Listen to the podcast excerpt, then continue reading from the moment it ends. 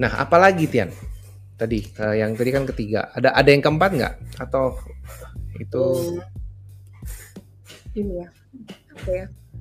Yang keempat mungkin ini sih Kak, hati-hati terjerumus ke lubang ekstrim. Maksudku untuk setiap belief Uh. itu pasti ada ada titik ekstrimnya kan. Ekstrim yang in a way negatif gitu ya. Kalau aku belajar ya teman-teman, maksudnya eh, ya di sosial media atau di Mhm. akun-akun YouTube ada beberapa akun di YouTube, Instagram, TikTok tuh yang mulai vokal bicara tentang religious trauma gitu. Jadi ini Hmm. adalah orang-orang yang eh, memang mereka tuh mengalami trauma terhadap agama, bahkan beberapa akun itu spesifik sekali mereka nggak hanya trauma terhadap agama, tapi mereka trauma terhadap agama Kristen dan mereka trauma Mhm. nggak hanya Kristen, trauma kepada agama Kristen yang evangelical gitu.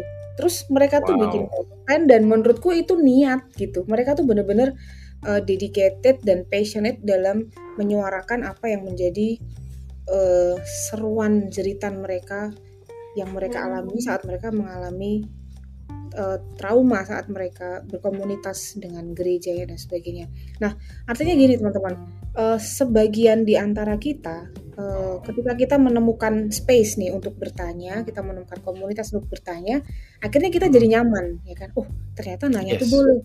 Oh, ternyata setiap pertanyaan itu bisa dibalas dengan pertanyaan lagi gitu. Ya kan? Iya. kan ya ada lah ya teori namanya seven why gitu. Jadi kalau ada satu premis jangan berhenti di situ. Tanyain dulu sampai tujuh kali untuk kita ngetes apakah premis ini tuh trustworthy apa enggak gitu. Nah kecenderungan kita ketika kita sudah nyaman punya space untuk bertanya bahkan kadang-kadang pertanyaan kita ini kalau ada beberapa teman-teman ya eh, ditunjukkan di sosial media bahwa dirinya sudah kritis sekarang gue berani melawan Hmm. Tradisi yang ada, berani mempertanyakan struktur dan sebagainya gitu ya. Dan aku mendapati beberapa di antara uh, orang-orang tersebut tuh sangat menikmati bertanya dan bertanya semua dipertanyakan dan akhirnya kesimpulan dari teman-temanku ini adalah tidak ada kesimpulan. Jadi di dunia ini tidak ada yang mutlak Wow. semuanya itu questionable, semuanya itu adalah semua itu subjektif, semua itu tergantung perspektif masing-masing, kebenaranmu kebenaranku, kebenaranku kebenaranku, dan Hmm. em, pada akhirnya apa ya istilahnya ekstrimnya adalah kalau kita eh, berenang terlalu dalam gitu ya di dalam pertanyaan, kadang-kadang itu membuat kita itu istilahnya berenang tapi kita kalau nggak nggak berenang aku pakai istilah burung ya. Kadang-kadang membuat kita tuh terbang gitu ya. Burung itu kan terbang dan ada nggak burung yang terbang dari dia menetas dari telur terus dia terbang terus sampai dia mati? Nggak ada ya? Setiap burung Nggak itu ada. pasti hinggap ya gitu. Mm-mm. jadi eh, kalau kita tidak hati-hati dengan pertanyaan yang kita punya, kita itu akan cenderung untuk mempertanyakan semuanya dan kita akhirnya merasa bahwa sebenarnya tidak ada yang absolut di dunia ini gitu. Bahkan ya, sorry ya aku pinjam kata bisa jadi kita menganggap bahwa kebenaran itu tidak ada gitu. Yang mana Yes. itu bukan ajaran kekristenan. Kekristenan percaya Iya. bahwa ke- kebenaran itu bukan cuman ada, tapi kebenaran itu adalah pribadi. Namanya Yesus. Kalau Iya, iya. teman-teman pendengar ini ada yang seorang Kristen gitu ya dan teman-teman sedang ada dalam journey pertanyaan ini ya pesan aku sih yang keempat ya hati-hati kembali ke poin dua tadi bertanyalah dalam naungan kasih Bapa gitulah. Hmm. jangan jangan terlalu asyik. Ya asyik boleh emang bertanya itu asyik saya tahu rasanya gitu ya. Tapi hati-hati kita tidak boleh lupa bahwa kebenaran itu adalah Kristus itu sendiri dan setiap pertanyaan kita ini harusnya menuntun kita kepada pengenalan kita akan kemuliaan Allah gitu. Nggak boleh sebaliknya kadang-kadang kalau kita nanya nih wah nanya puas banget rasanya. Kalau jadi kritis akulah si manusia paling kritis di dunia ini gitu ya. Itu membuat kita justru ngarahin spotlightnya ke kita. Ada sesuatu yang kita pengen tunjukkan ke orang lain bahwa aku aku kritis loh aku penuh pertanyaan loh gitu kalian nggak Iya. bisa nerapin struktur ini ke aku akulah orang anti anti struktur gitu Wow. hati-hati which is itu em, not what we believe in Christianity gitu ya. Iya, menarik. Menurutku poin keempat sama yang poin kedua ini somehow itu ada sedikit uh, dotted line-nya kalau menurutku ya. Ada dotted line-nya dalam arti pada saat kita bertanya dengan tadi yang poin kedua tadi Tian aku catat tadi adalah karena kita marah dengan sikap yang marah, tidak dengan uh, attitude sebagai anak kalau dalam konteks kekristenan. Hmm. Dan karena marah itu akhirnya kita menuduh jadi tidak bertanya langsung menuduh menurutku kita harus beresin marahnya dulu nggak sih pada saat iya. kita bertanya kita harus eliminasi dulu marahnya iya, iya. jadi kita nggak bisa kalau aku biasanya ke anak-anak gitu ya anak-anak gua marah gitu kan terus ya udah ayo tenangin dulu tenang dulu sayang redain ambil nafas yang dalam ayo kita keluar ambil udara segar biasanya ya baru kamu nanya dengan kepala jernih gitu. Ya. Itu berlaku pikir, juga nggak menurut Tian? Iya, setuju kak. Aku ber barusan berpikir ya, uh, bagi seorang Kristen, aku tuh barusan berpikir bahwa kita tuh bertanya dalam konteks relasi, bukan bertanya seperti kita sedang menulis skripsi, wes. Sisi, gimana itu? Maksudnya gimana itu?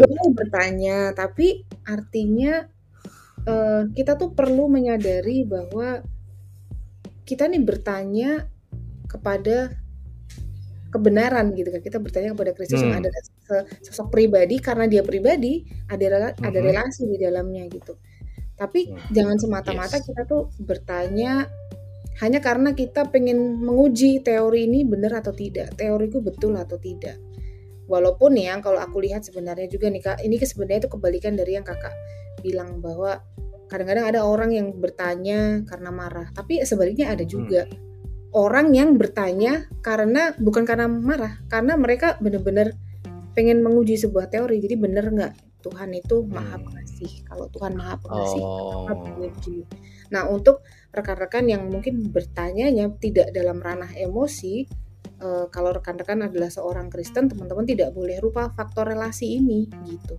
Mm -mm, gitu. Benar sih. Jadi nggak bisa, memang nggak bisa dipisahin ya. Kalau hanya kita menanya hanya untuk uh, scrutiny atau pakai kaca pembesar uh, dengan attitude-nya single-mindedly, uh, kalau bilang tadi skripsi gitu kan, hanya just ilmiah, Betul. itu ya kita akan kehilangan uh, apa esen uh, esensinya karena kekristenan itu totally not just ini apa ilmiah gitu kan.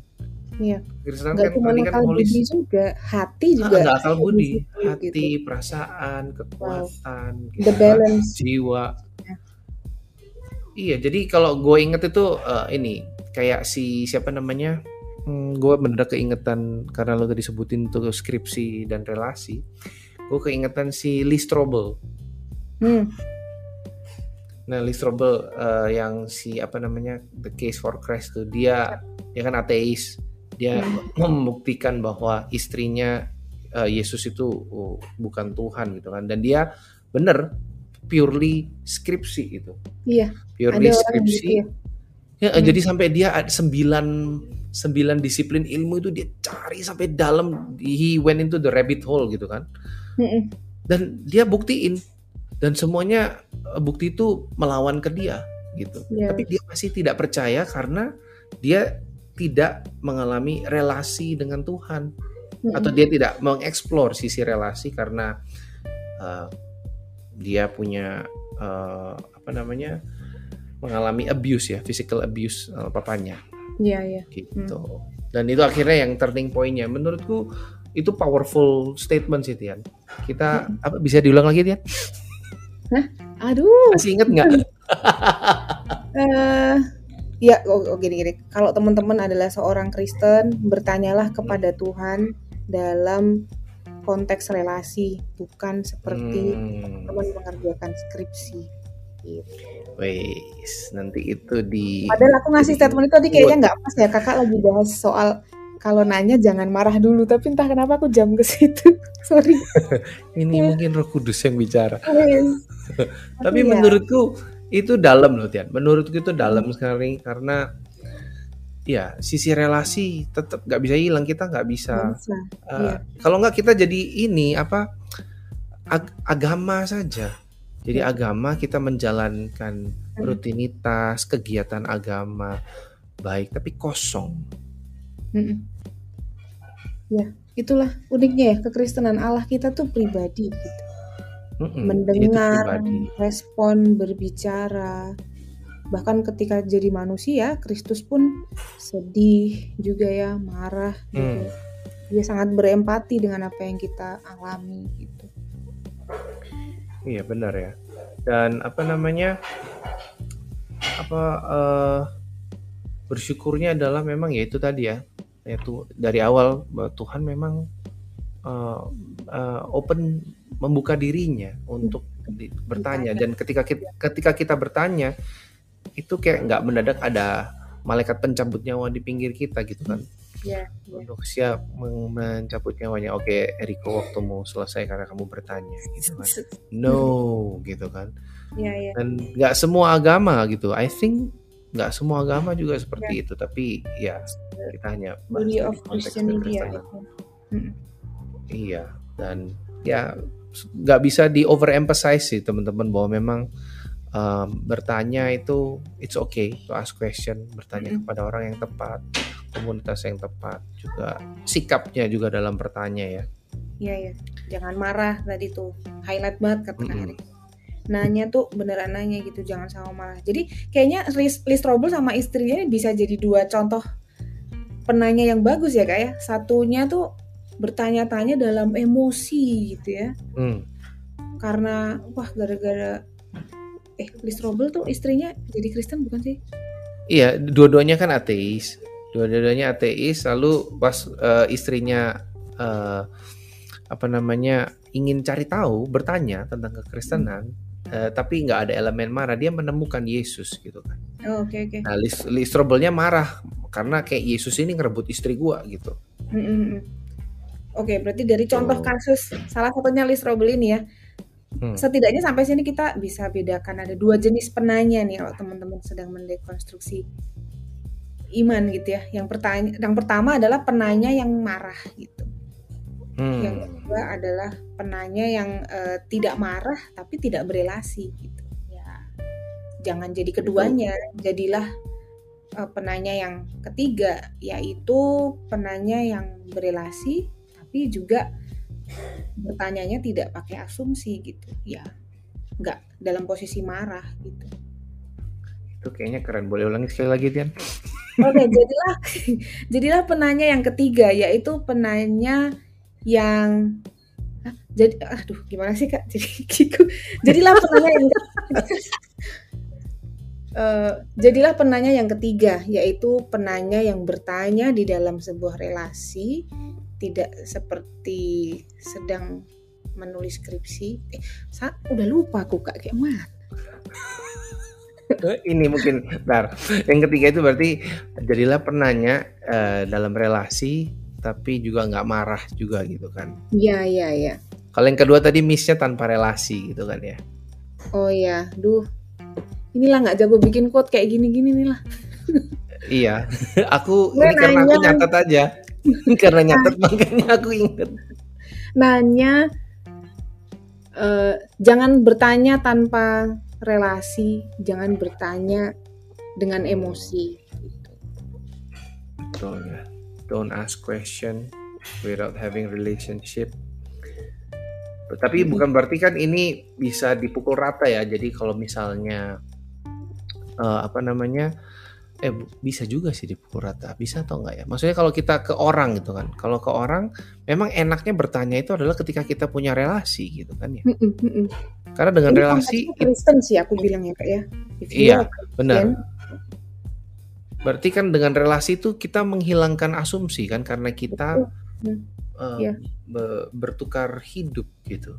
Iya ya. Membuka Dan itu membuka hidup komunikasi kita. yang bagus ya. Kalau teman-teman belajar teori komunikasi pasti kalian tahu bahwa asumsi itu tidak pernah jadi bentuk komunikasi yang baik gitu. itu harus dihindari dalam sebuah relasi betul karena asumsi terjadi ketika tidak ada komunikasi betul Gitu. Wah, keren ya. Berarti tadi itu apa empat poin what to do when we have question gitu ya. Apa yang harus dilakukan? Hmm. Atau ada poin ke berapa Tian sampai 10?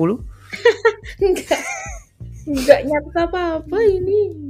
Paling mungkin Iya. terakhir ini sih Kak. Iya, coba Apa dari Kak juga ada saran nggak kalau teman-teman nih berdiri tidak sebagai penanya, tapi sebagai orang atau lembaga atau community yang kemungkinan besar akan menerima pertanyaan. gitu.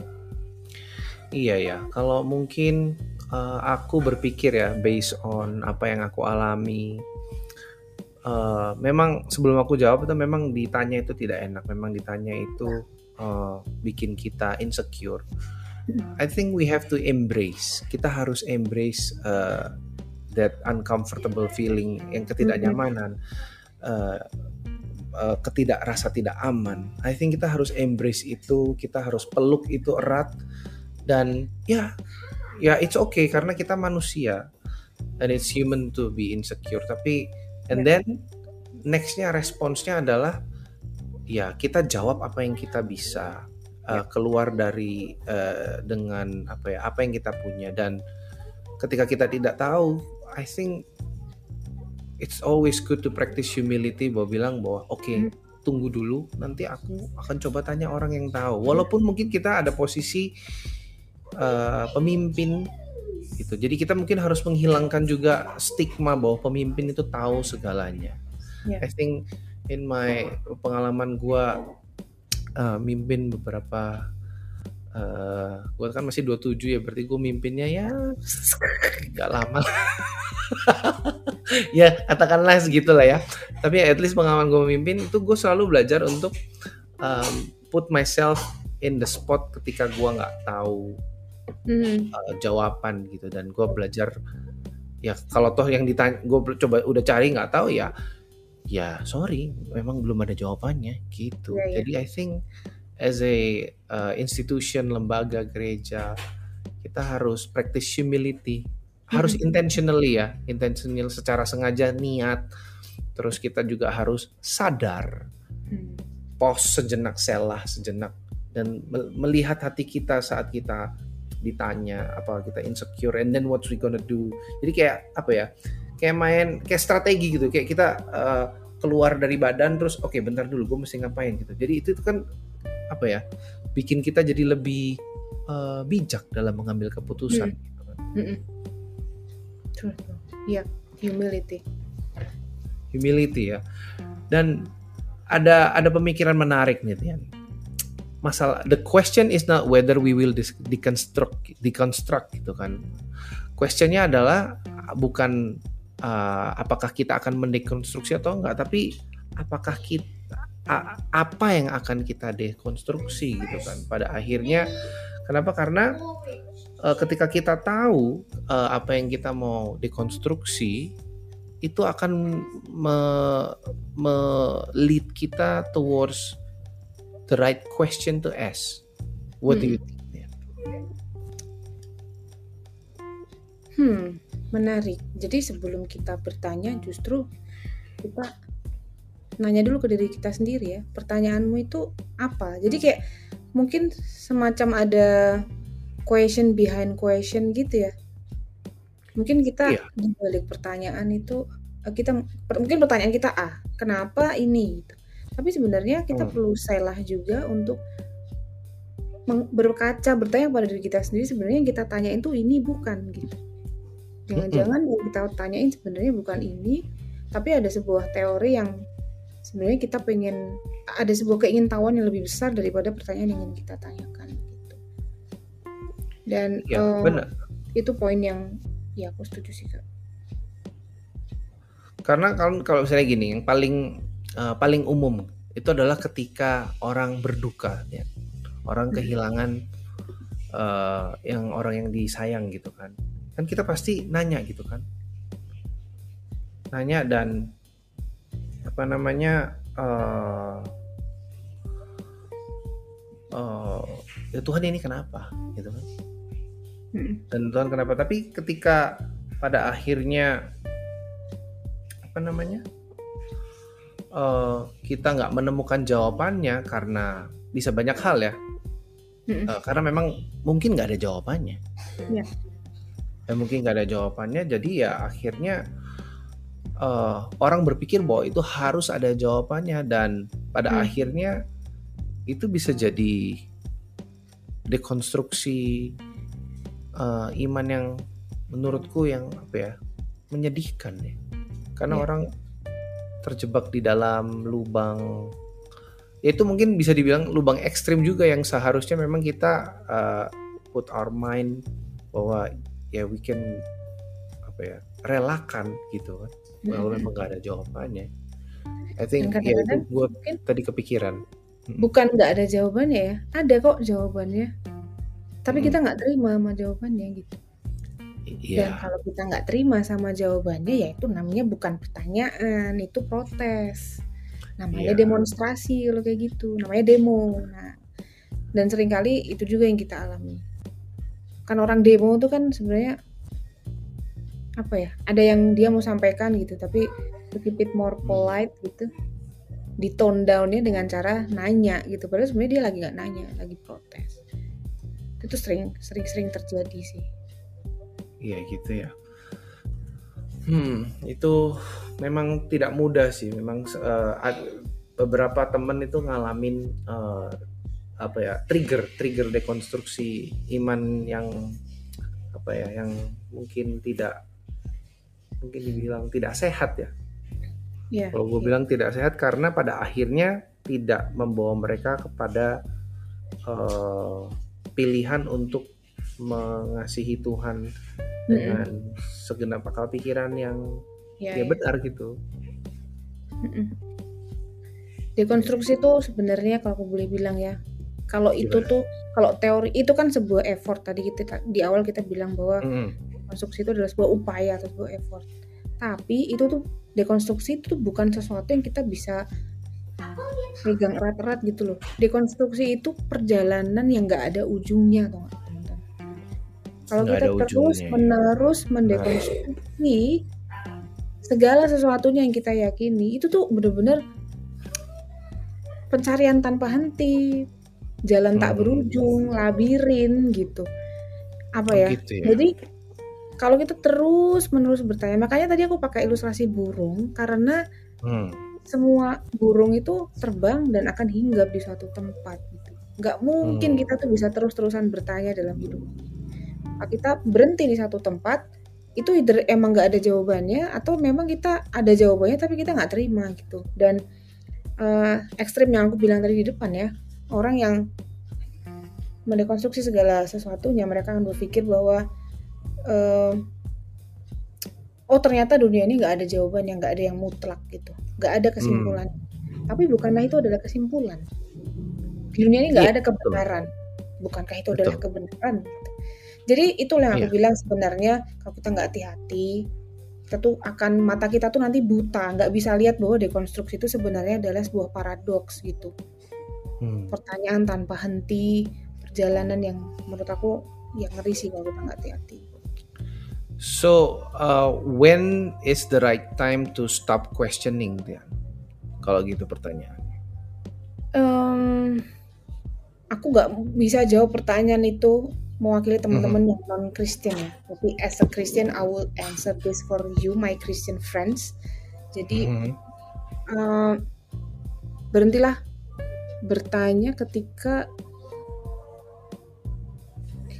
berhentilah bertanya ya apa ya kak kayaknya sebagai manusia sih ya memang kita tuh nggak akan selesai dengan pertanyaan gitu hmm Hmm. Tapi kita tuh akan puas nih ya, satisfied content ketika uh, kita tuh mendapatkan jawabannya itu dari apa yang Tuhan katakan. Jadi yes. maksudku selalu persu apa yang Tuhan katakan karena He is the truth himself gitu. Kalau the truth bicara kita nggak percaya, terus maksudku as a Christian kamu tuh mau percaya sama siapa gitu loh. Nah, that's a good point Kristus berbicara, dia adalah kebenaran, ya kan? Terus dia mengatakan ya. jawabannya. Dia punya jawaban nih, kalau ditampar jangan tampar balik. Jawabannya tuh itu gitu. Tapi kan hmm. kan kita nggak terima. Kita nggak akan berhenti bertanya kalau kita nggak terima pada jawaban itu gitu. Wow, I think that's a big statement ya. Benar Hmm. kita harus uh, pada akhirnya kita ya kembali ke ini uh, apa yang Tuhan bilang gitu, apa yang ada di Iya. dalam firman Tuhan, kebenaran mutlak. Attitude kita seperti apa gitu kan. Mhm, mhm. Gitu. Karena kalau enggak pada akhirnya kita nanti bisa uh, uh, apa namanya? hmm, bertanya terus akhirnya bertanya pada orang yang tidak tepat dan mungkin pada akhirnya mendapatkan jawaban yang juga tidak Iya. tepat dan Iya. akhirnya itu uh, endless rabbit hole gitu kan ya Mhm, mhm. Ya terus ya ya yang terakhir sih Kak mungkin ya aku mau bilang juga buat temen-temen yang makanya tadi aku nanya ke Kak Eriko gimana kalau teman-teman itu adalah teman-teman ya kalian tuh adalah orang pribadi atau instansi yang berpotensi ditanyai sama berpotensi menerima pertanyaan dari mereka si pencari Hmm. jawaban ini gitu ya ya tadi Kak Eriko udah bilang uh, humility gitu ya terus kita perlu untuk menyadari bahwa kita tuh nggak selalu tahu tapi kita juga embrace jawabannya gitu kadang-kadang uh, kita menolak pertanyaan tuh karena sebuah kesombongan kan kita nggak mau kelihatan bodoh Yes. nggak mau kelihatan nggak Yes. tahu dan sebagainya terus uh, menurut aku ya teman-teman pendengar di sini uh, yang perlu dipikirkan juga adalah uh, inklusivitas juga ya penerimaan kita Inklusivitas. terhadap orang-orang yang bertanya ini gitu. Jadi Hmm. jangan jangan menjauhi mereka, jangan menganggap mereka itu orang yang aneh atau mereka tuh sebagai the others gitu. Orang yang berseberangan dengan kita kita itu membuat kita tuh susah untuk berempati dengan apa yang uh, mereka alami gitu dan Iya. alih-alih kita membantu mereka menemukan jawabannya di dalam Tuhan kita sedang push them away dari Tuhan Iya. gitu karena kan itu penting ya sebenarnya kita ini kan kita ini kan Kristus Kristus kecil yang dilihat oleh banyak orang gitu Hmm. ya kita mendorong kan lucu jadinya kita mendorong mereka menemukan jawabannya dalam Kristus tapi kita si Kristus kecil ini kita nggak berperilaku seperti Kristus gitu kita Hmm. justru mendorong mereka lebih jauh daripada Kristus sang kebenaran. Jadi eh, empati lah ya gitu. Empati ya. Tidak tidak merendahkan tidak mendiskreditkan orang tidak menganggap orang itu tidak tahu gitu. Jadi Hmm. humility lagi humility sih balik lagi. Tapi ya attitude itu perlu di apa yang menurutku perlu dilakukan bersama-sama dalam sebuah komunitas. Jadi komunitas kita tuh jadi safe space. Nanya Hmm. boleh. Iya dan akhirnya ketika kita sebagai eh, komunitas atau institusi tadi kan Tian, Tian bilang, ketika kita tidak represent well dalam uh, menyikapi question ini, orang orang akan kehilangan sebelum mereka kehilangan iman kepada Tuhan, mereka kan kehilangan iman kepada institusi dulu gitu kan. atau ya kehilangan iman kepada Tuhan dimulai dengan kehilangan kepercayaan mereka terhadap institusi or community. Nah itu itu kayaknya kok set, sedih banget ya. Kalau dan itu itu banyak sih banyak terjadi Iya. memang. Tapi tetap aja maksudnya bukan uh, kita nggak bisa take it for granted tuh karena Iya. pada akhirnya uh, apa generasi berikutnya akan kehilangan Hmm. legacy iman gitu kan dalam arti uh, ketika nanti mereka jadi orang tua mereka nggak punya kemampuan untuk meneruskan atau Mhm. tidak mengencourage untuk meneruskan iman karena mereka anggap ya I lost my faith gitu kan I Mhm. lost my faith dan ya kita harapkan sih ya itu tidak terjadi ya dengan ya mulai dari keluarga sendiri sih emang sih. Dari, dari keluarga sendiri sendiri.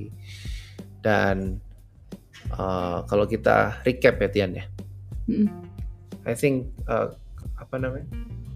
Uh, question is ini ya memang allow.